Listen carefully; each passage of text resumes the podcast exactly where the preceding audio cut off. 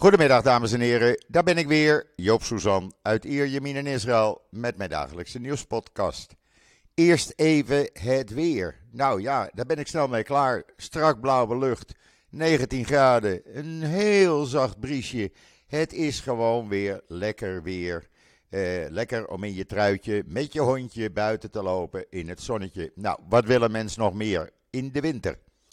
En eh, ja, het ziet er naar uit dat het dit weekend ook zo blijft. Maar in de loop van volgende week, oi, oi, oi, oi. Ik moet er niet aan denken. We krijgen zoveel regen en koud.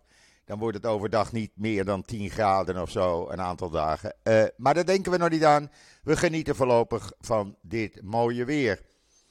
En dan COVID, want het wordt nog steeds gepubliceerd. En zolang ze dat doen, uh, ja, zal ik het hier ook gaan noemen natuurlijk. Uh, eind van de maand uh, zou men ermee stoppen, zei men. Maar uh, het ziet er naar uit dat dat ja, de komende dagen nog niet het geval is. In ieder geval, gisteren 776 nieuwe COVID-besmettingen erbij. Er zijn in totaal 7415 mensen met COVID in Israël, waarvan de 121 ernstig ziek in het ziekenhuis liggen. 33 daarvan kritiek en alle aangesloten aan de beademing. En dan uh, het dodental als gevolg van COVID is inmiddels gestegen naar 12.134. Dat zijn er toch wel veel, moet ik zeggen. En dan was er gisteren uh, even bonje met Jordanië. Uh, want ja, de politie zegt een agent herkende de ambassadeur niet die onaangekondigd de Tempelberg wilde bezoeken. Dus hield hij hem even op. Ambassadeur kwaad, draaide meteen om, ging naar huis. De uh, Jordaanse regering riep de Israëlische ambassadeur op het matje. Uh, maar daarna, een uur, twee uur later, ging de Jordaanse ambassadeur alsnog de Tempelberg op. Je kan het allemaal zien en beleven in israelnieuws.nl. Het is namelijk zo dat ja, uh, sinds die overeenkomst, die vredesovereenkomst met Jordanië er is in 1994, uh, ja, speelt uh, Jordanië de speciale rol van bewaker van de heilige plaats in Jeruzalem. En Amman beschouwt zich dus ook als de bewaarder van de Tempelberg. Ja, nou ja, je kan hem alles kwaad worden, zeg ik dan maar. Eh maar goed, dat, uh, dat is gelukkig voorlopig weer even achter de rug. En dan een heel mooi verhaal wat ik kreeg van de IDF uh, over uh, Michael. Michael Koetlich. Die heeft er bijna twintig jaar over gedaan voordat hij eindelijk de officiersrangen kon dragen. Dit keer wel als reservist en met een gezin, maar het maakt niet uit. Hij heeft zijn droom waargemaakt. Want als tiener wilde hij al officier worden. Nou, het is een prachtverhaal wat ik graag uh, publiceerde in israelnieuws.nl en waar je het dan ook kan lezen. En dan de Bar-Ilan Universiteit heeft een hele belangrijke ontdekking gedaan. Ze hebben een nieuwe moleculaire blokker uh, ontwikkeld die de uitzaaiingen bij borstkanker uh, stopt. En dat is echt iets bijzonders. Uh, het is een verschrikkelijke ziekte voor heel veel vrouwen. En uh, ja, dit remt het dan, dit helpt dan. Uh, het hele verhaal over die ontwikkeling staat in israelnieuws.nl. Ik vond het belangrijk genoeg om te publiceren. dan heeft de IDF gisteravond, of eigenlijk maandagavond was dat al maar dat hebben ze voor morgen bekendgemaakt. Ze hebben maandagavond uh, de eerste keer drie en later nog eens twee mensen opgepakt die de grens met Syrië kwamen overwandelen. Nou ja, wandelen, ze moesten het hek overklimmen. Die zijn verhoord en die zijn gisteren weer teruggestuurd naar Syrië. Die wilden wel in Israël blijven, maar Israël wilde hun niet laten blijven.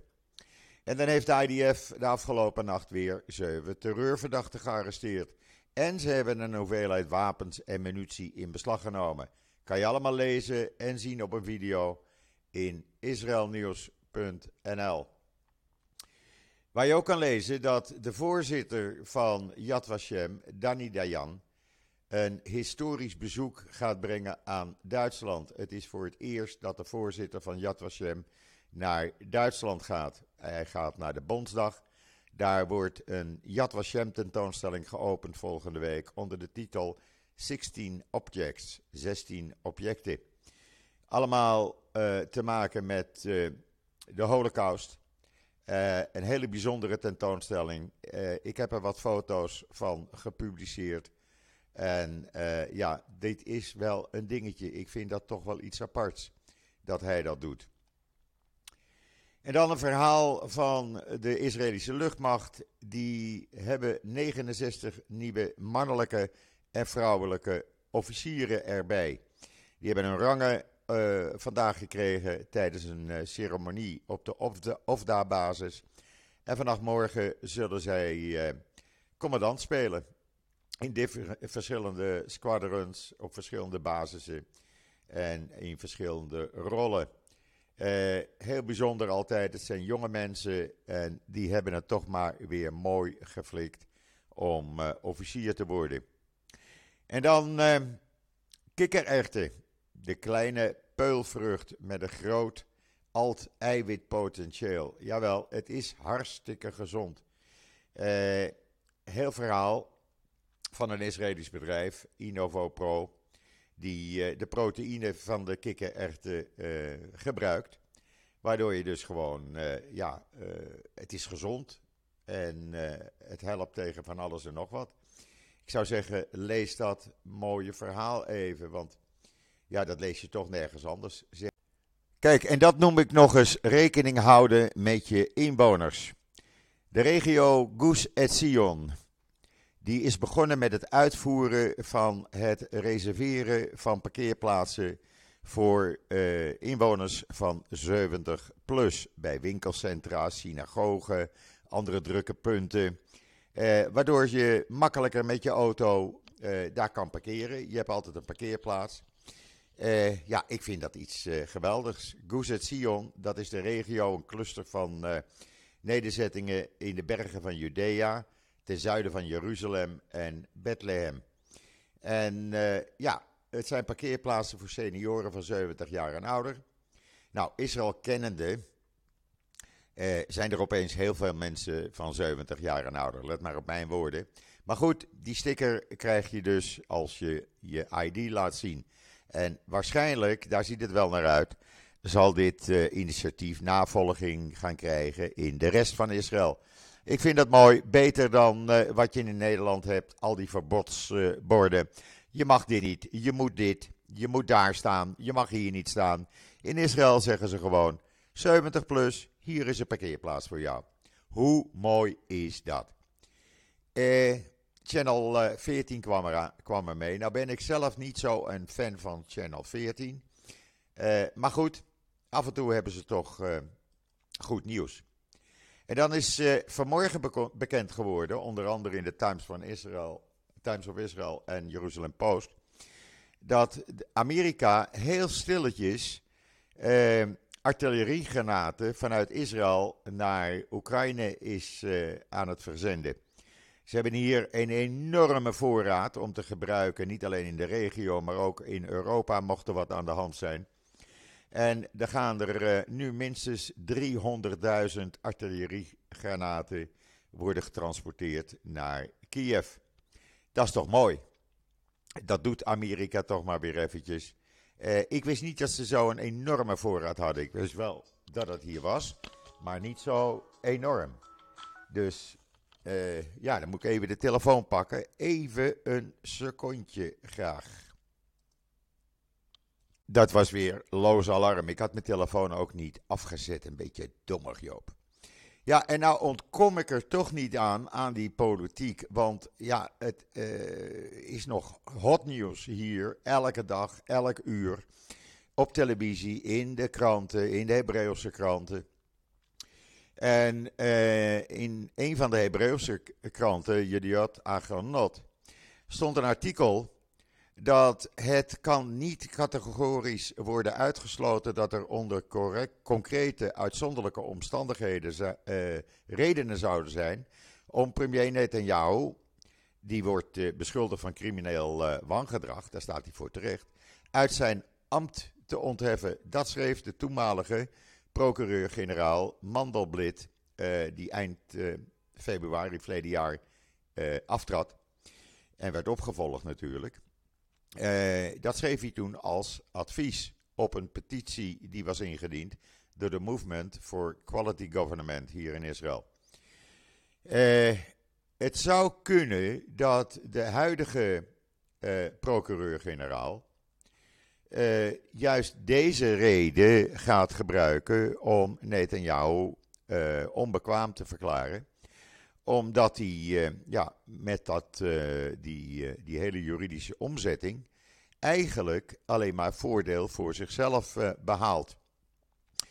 en dat is niet goed. Iedereen waarschuwt ervoor. Of het nou de president van het Hoge Rechtshof is, of het is een ex-president van het Hoge Rechtshof, of het zijn juristen. iedereen heeft het erover en zegt: het kan niet op deze manier. En er moet dus iets gedaan worden. En dat zou de enige reden zijn als Netanyahu echt meegaat, schrijven deze experts, met de nieuwe wetten, waardoor hij uit zijn uh, strafproces uh, komt, omdat de rechters dan worden vervangen. Uh, ja, dan heeft hij er alleen maar voordeel aan. Dan vernietigt hij de rechtsstaat. En alleen maar als voordeel voor zijn proces. En dan probeert hij de overwinning bij de stembus uit te buiten om persoonlijk doel te bevorderen. Eerst door het Hoge Rechtshof lam te leggen vervolgens door de procureur-generaal af te zetten, want dat gaat gebeuren. Daar houdt iedereen rekening mee. Ze dus moet volgende week eh, bij eh, de minister van Justitie komen. Ja, en dan is er dus een belangenconflict. En dat zou dus reden zijn om de premier, die nu terecht staat, uit zijn functie te ontzetten. Ik ben benieuwd hoe dit zich gaat ontwikkelen, want we zijn hier nog steeds niet uh, ja, uit het nieuws mee. Want de procureur-generaal, de huidige procureur-generaal, Baharaf Miara, die zei gisteren dat Netanyahu gebonden blijft aan de regels voor belangenconflicten die hem verbieden om hoge wetshandhavers en gerechtelijke benoemingen te maken. Uh, dat zou, die zouden namelijk uh, van invloed kunnen zijn op het lopende strafproces. Wegens corruptie en fraude en wat nog meer. Uh, dus dat kan niet. En zij wees daar al op, op die uh, belangenconflictovereenkomst van Mandelblit. We zullen het zien hoe zich dit gaat ontwikkelen. Het wordt met de dag spannender. En dan hadden we ook nog gisteren Jehuda Weinstein dat was de voormalige, inmiddels gepensioneerde eh, procureur-generaal, die uh, zes jaar onder Netanyahu procureur-generaal was, die ook door hem benoemd is. En die zegt: uh, het is helemaal geen hervorming. Alles wat ze op dit moment aan het doen zijn om het juridisch systeem om te gooien, dat is gewoon een pogrom. Zo mag ik het wel noemen, een pogrom. Uh, ja, dat zijn natuurlijk geen goede uitlatingen. En dat komt ook uh, in het buitenland terecht. Hij zei dit gisteren tijdens een conferentie aan de Universiteit van Tel Aviv. Uh, hij zei daarbij dat hij kon instemmen met een aantal van die hervormingen van het gerechtelijke rechtssysteem.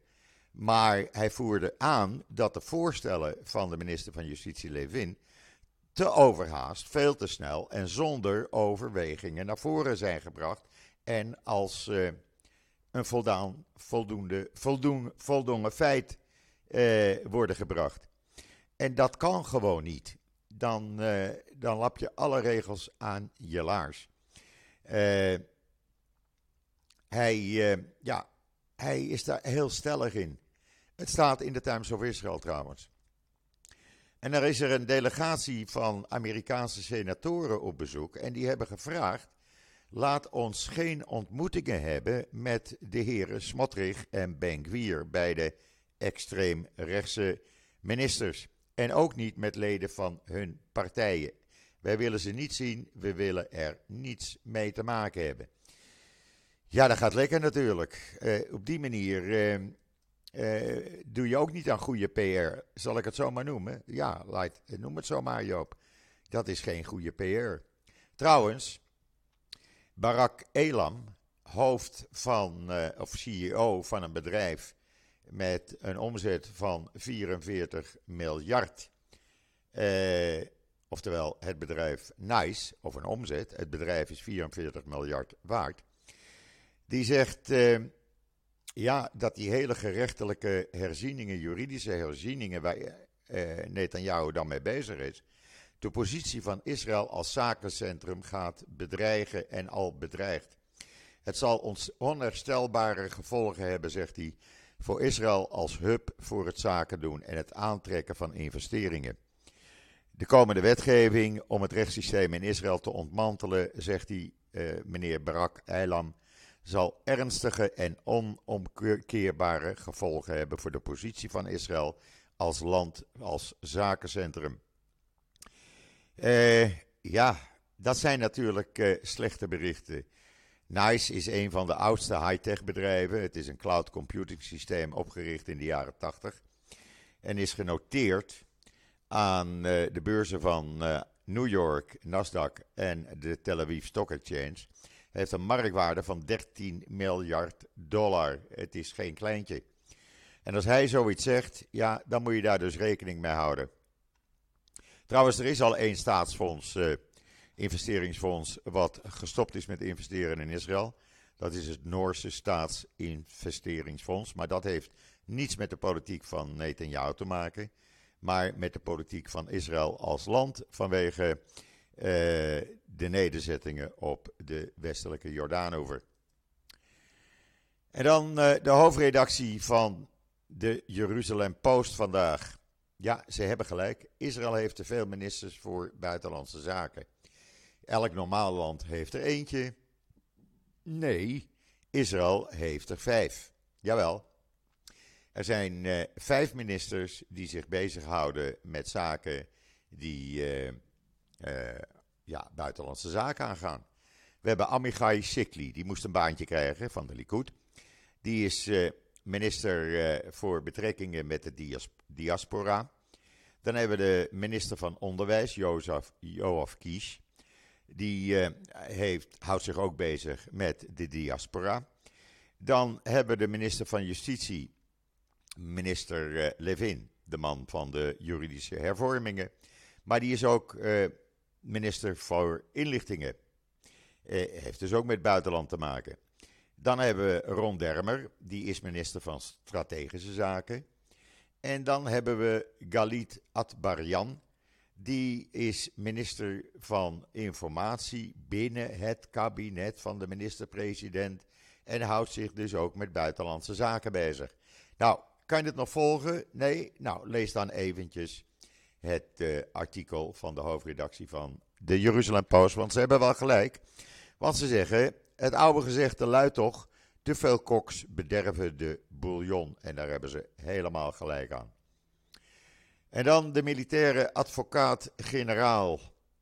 Die uh, verzet zich tegen de eisen van de extreemrechtse minister van Nationale Veiligheid, Ben Gwier. Die wil IDF-soldaten immuniteit geven en hij verzet zich daartegen. Dat kan niet. Eh, want uh, ja, dat mag dan wel. Uh, immuniteit zal het onderzoek. immuniteit voor onderzoek zal soldaten in gevaar brengen, zei de functionarissen van het bureau van de militaire advocaat-generaal. En wij gaan daar niet aan meewerken. Het mag dan tien keer in het coalitieakkoord staan. maar als uh, er in het buitenland arrestatiebevelen tegen soldaten worden uitgevaardigd, dan zullen wij ze op andere manieren beschermen. Maar we gaan ze geen immuniteit geven. Trouwens, nu we het over militairen hebben. Marokko heeft heel duidelijk luid en clear gezegd: we gaan de militairen met banden met Israël aanhalen. We gaan zoveel mogelijk samenwerken op elk gebied, militair gebied, cyberbeveiliging, uh, wat iets meer zijn, geheime dienst, luchtverdediging, elektronische invoer, uh, oorlogsvoering. Op alle gebieden willen we samenwerken met Israël, want we willen hun know-how gebruiken. Hoe mooi is dat? Uh, en dan Microsoft. Ik schrok er even van. Die gaat wereldwijd 5% van hun banen schrappen. Oftewel 11.000 van de 220.000 banen. Ze gaan bezuinigen. 11.000 mensen verliezen hun baan. Staat in I-24. En als we het over banen hebben. De Knesset, nou ja, ze hebben dan wel een stapje terug gedaan. Ze wilden 12,5% salarisverhoging. Maar ze nemen genoegen met 5,1%. Hoe mooi is dat? Even een slok water. Dan krijg een uh, droge keel van. 5,1%. Ze hebben al een goed salaris, maar nee, er moet nog 5,1% bij. Ja, ik zeg er even niks meer van. En dan uh, vanmorgen een bericht in de Times of Israel. Dat zal inmiddels in Nederland ook wel bekend zijn. Dat de uh, minister van Binnenlandse Zaken van Oekraïne is vanmorgen omgekomen. Hij is een van de 18 doden. Toen een helikopter neerstortte vlakbij een kinderkleuterschool. Uh, in de regio Kiev. Daar schrok ik toch even van. Maar ja, het is een tragedie. Uh, in het stadje Brovary. het gebeurde vanmorgen om half elf Oekraïnse tijd. Staat in, de Times of Israel. En dan, als we het over apartheid hebben, moeten we het er eigenlijk nog over hebben. Ik ging vanmorgen even naar de apotheek, vitamine D uh, tabletten halen bij uh, Superfarm, de drogisterij. En in de mol. En ik werd daar allervriendelijkst geholpen door een meisje met hoofddoek, met hijab en een lange jurk aan. En uh, sprak prima Hebreeuws en allervriendelijks. Geen enkel verschil. Wil je nog wat meer hebben? Moet je nog wat anders hebben? Hoe ga je betalen? Uh, gewoon normaal zoals het ook hoort. En als we het dan toch over apartheid hebben. Israël is een uh, toevluchtsoord voor homoseksuelen in het Midden-Oosten. Dat is het altijd. Dat wil het ook blijven. Maar volgens een analyse van Ron Campeas zou de huidige regering dat wel eens kunnen gaan veranderen met hun uh, ja, uitlatingen van we gaan de uh, Pride Parade in Jeruzalem stoppen en nog meer andere zaken die ze in het coalitieakkoord hebben opgenomen. We gaan het zien. Het staat in de Engelstalige Ynet. En dan heeft Israël een Italiaanse vrouw het, gaat het land uitzetten die hebben ze gisteren gearresteerd, die op de westelijke Jordaanover. Stefania Constantini, 50 jaar jong. Die uh, was lid van het Volksfront voor de Bevrijding van Palestina. Ze was al bijna een jaar in Israël op een toeristenvisum. Dat kan helemaal niet. Ze weigerde verleden jaar te komen uh, na oproepen van je moet je melden bij de Shin Bet. Deed ze ook niet. Uh, men heeft haar nu opgepakt en ze wordt het land uitgezet. Want het Volksfront voor de Bevrijding van Palestina, oftewel de PFLP, is ook door de Verenigde Staten en de EU aangemerkt als een terroristische organisatie. Dus je hebt er gewoon niks te zoeken. En dan het aantal aanvragen voor abortie, uh, abortus was uh, naar een recordhoogte gegaan in 2021. 16.000 591 vrouwen verzochten een abortus.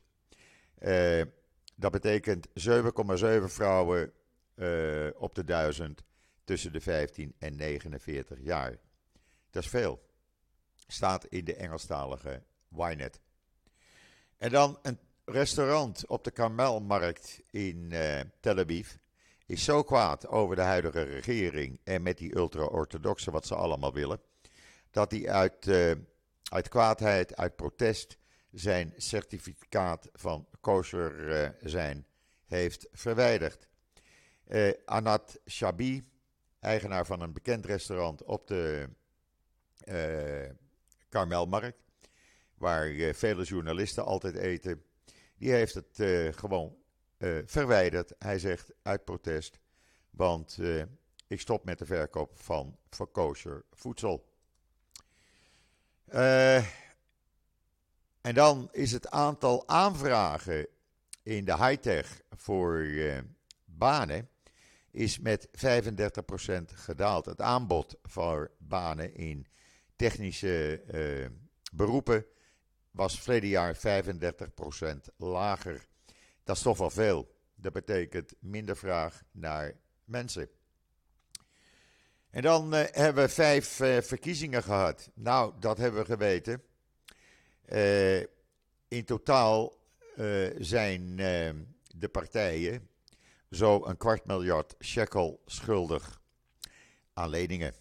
En dat is zo'n 68 miljoen euro. Dat is veel. En ja, of ze dat ooit terug kunnen betalen, iedereen betwijfelt het. Als je kijkt bijvoorbeeld de Likud, die heeft al een schuld van bijna 19 miljoen euro. Uh, Meretz en Jewish Home, die hebben geen van beide de laatste kiesdrempel gehaald. Die hebben een schuld van, uh, nou pak een beetje zo'n uh, 8 miljoen euro ieder. Dat kunnen ze nooit meer terugbetalen. Dus als je kan fluiten, dan kan je fluiten. Eh, wat hebben we nog meer? Oh ja, meneer Ben die heeft net bekendgemaakt dat hij er wil dat de politie er alles aan doet dat de terrorist Maher Younes, de tweede die na 40 jaar wordt vrijgelaten, dat er geen feest wordt gegeven.